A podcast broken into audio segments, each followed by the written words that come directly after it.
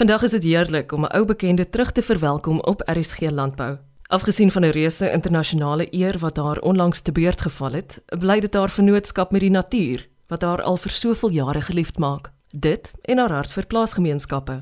Haar wil om ander op te hef bly sentraal in haar kuns en as mens die storie hoor van 'n eertydse regspraktisyn en joernalis wat toer met wingerde, dan weet jy jy te maak met 'n meester.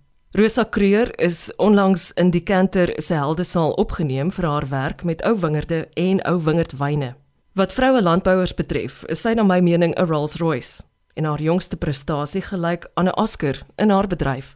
Die ou wingerdprojek het destyds begin bot te kreer met Andrei Morgenthal kragte saamgesnoer het. Wat dit tot gevolg gehad het, was van die mees fyn besnaarde wyne wat ons land nog ooit gebottel het. Elk wat sorg dat die wêreld kennis neem van standvaste snoeiershande en 'n byna magiese vrou wat haar beywer om ander se bekers te laat oorloop. Vir Rosa Kreur bestaan die woord meerderwaardigheid, hoegenaamd nie in haar landbouleksikon nie. Almal baat by die ouwingend projek van die wynmaker en ons het koöperasiewyne ook.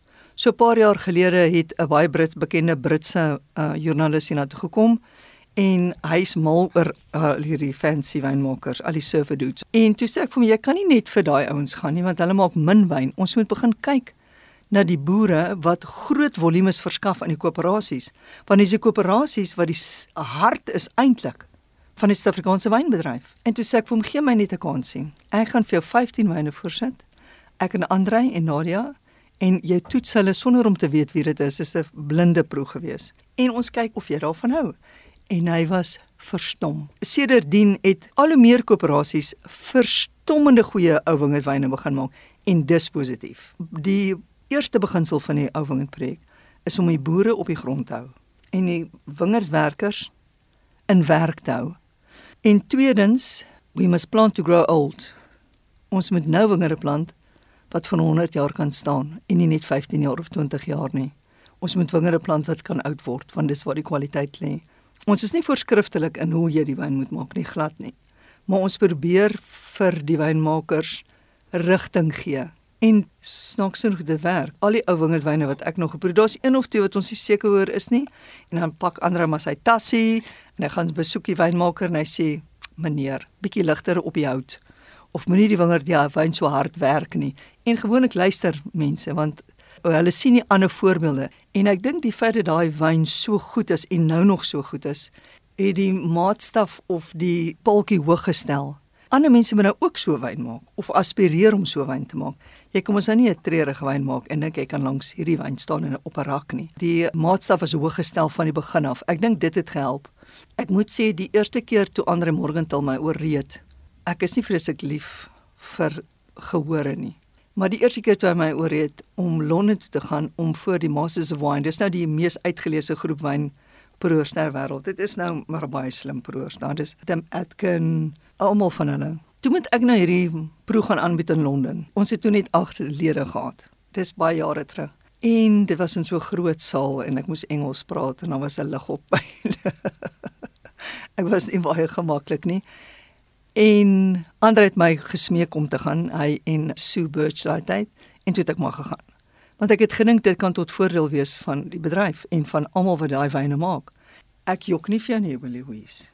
Ek het nie baie gesê nie. Ek het net gesê wat die beginsels is van die ouer projek, net so drie sinne.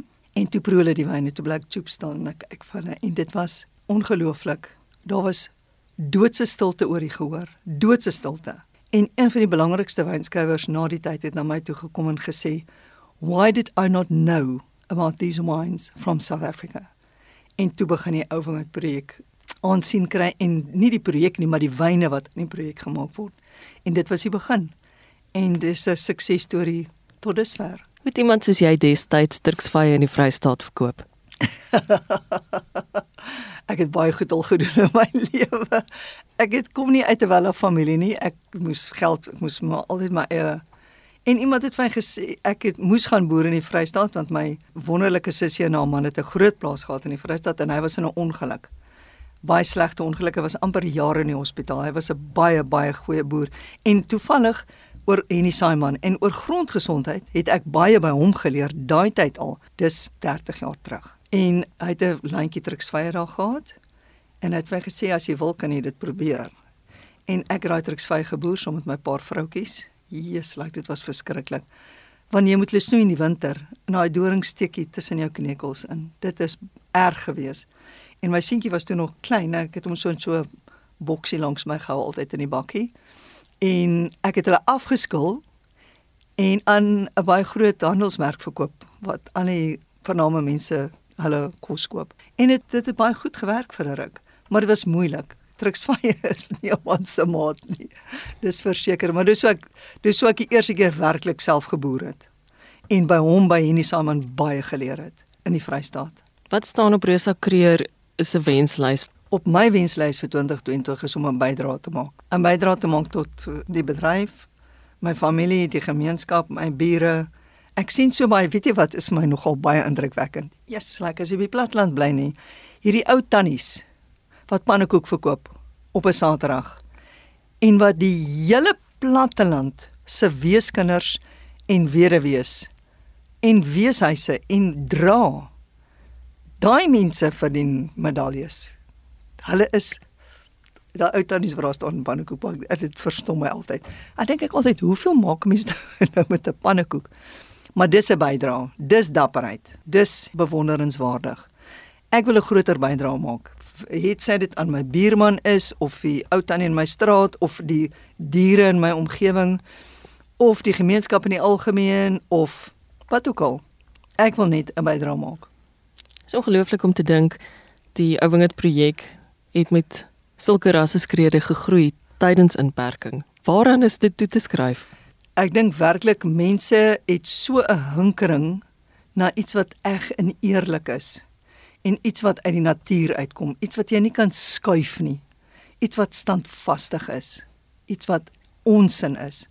Toe ek my onlangs net in die eerste tweede week van die Ouwingerd projek en ek koop hy luister eendag hierna.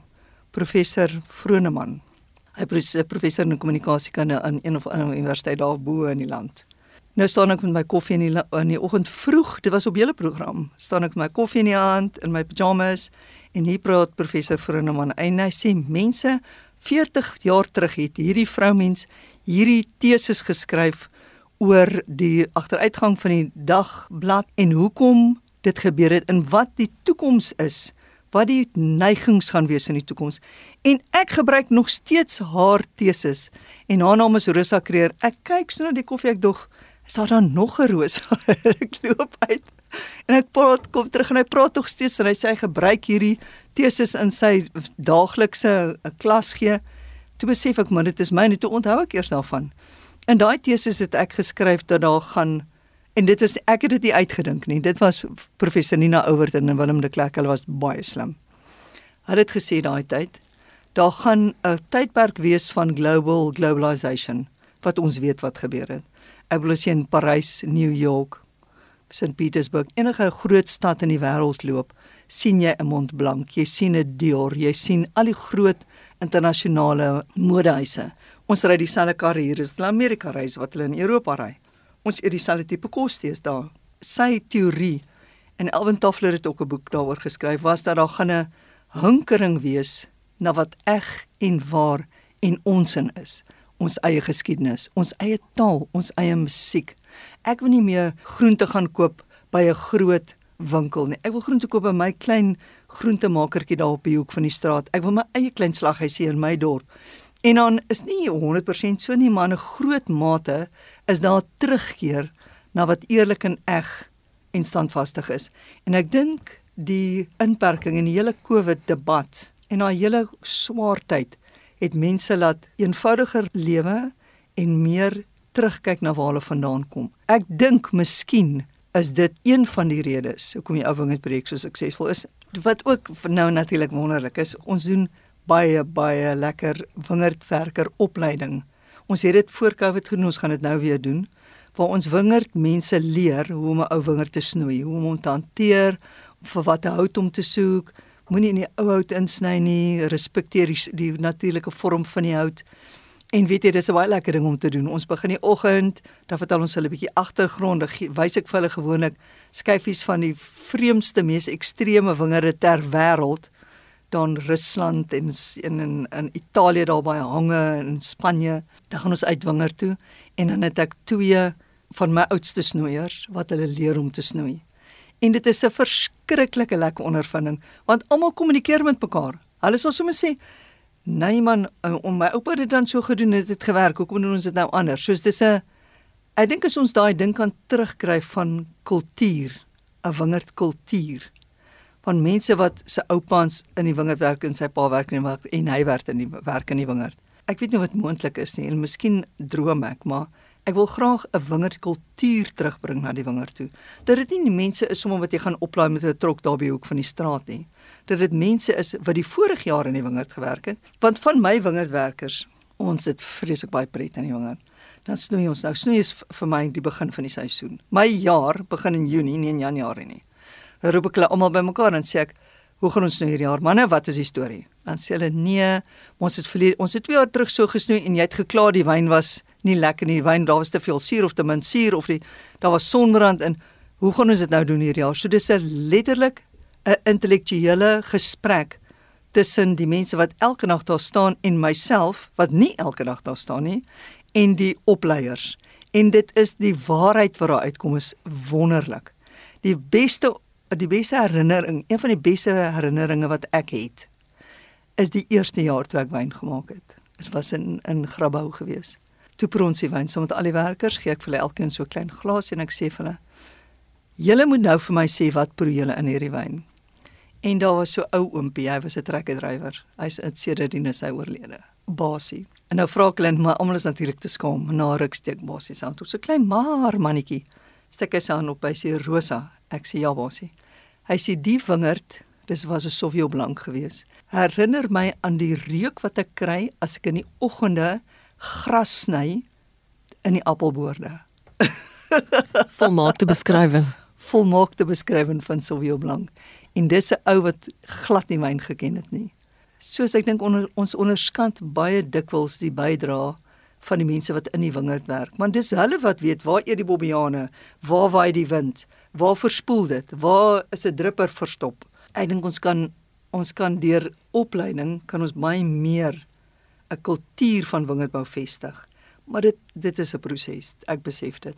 Die volgende 20, 30 jaar gaan moeilik wees met klimaatsverandering. Ek dink die studies wat nou uitkom bevestig dat dit baie vinniger gaan warm word in die Swartland en teen die Weskus op as wat hulle uitgedink gedink het 15 jaar terug. Ek wil graag hê mense moet net moed hou. Hou net moed. Hou net moed. Dis al. Dis al wat ek wil sê hou net moed. Daar gaan 'n uitkoms wees. Al gaan dit hoe swaar, al gaan baie mense miskien nie geld maak meer met wingerde nie. Ons sal 'n ander manier kry. Ons sal die grond hervestig. Ons sal nuwe wingerde kan vestig. Hou net moed. En geniet alles wat jy doen in die wingerd, want dit is 'n wonderlike plek om te werk. Rosa Creer is onlangs in die Kanter se heldesaal opgeneem vir haar werk met ou wingerde en ou wingerdwyne. Die eerste Suid-Afrikaner ooit Ek hoop haar storie het vir jou soveel Saterdag inspirasie gebring soos wat dit vir my het. Graag klink ek vandag 'n glasie op die vroue landbouers van Suid-Afrika. Mag ons almal met 'n dankbare hart knik in die rigting van elke boer waarmee ons baie vandag mag kruis. Dankie vir die saamkuier. Ek is Eloise Pretorius. Totsiens.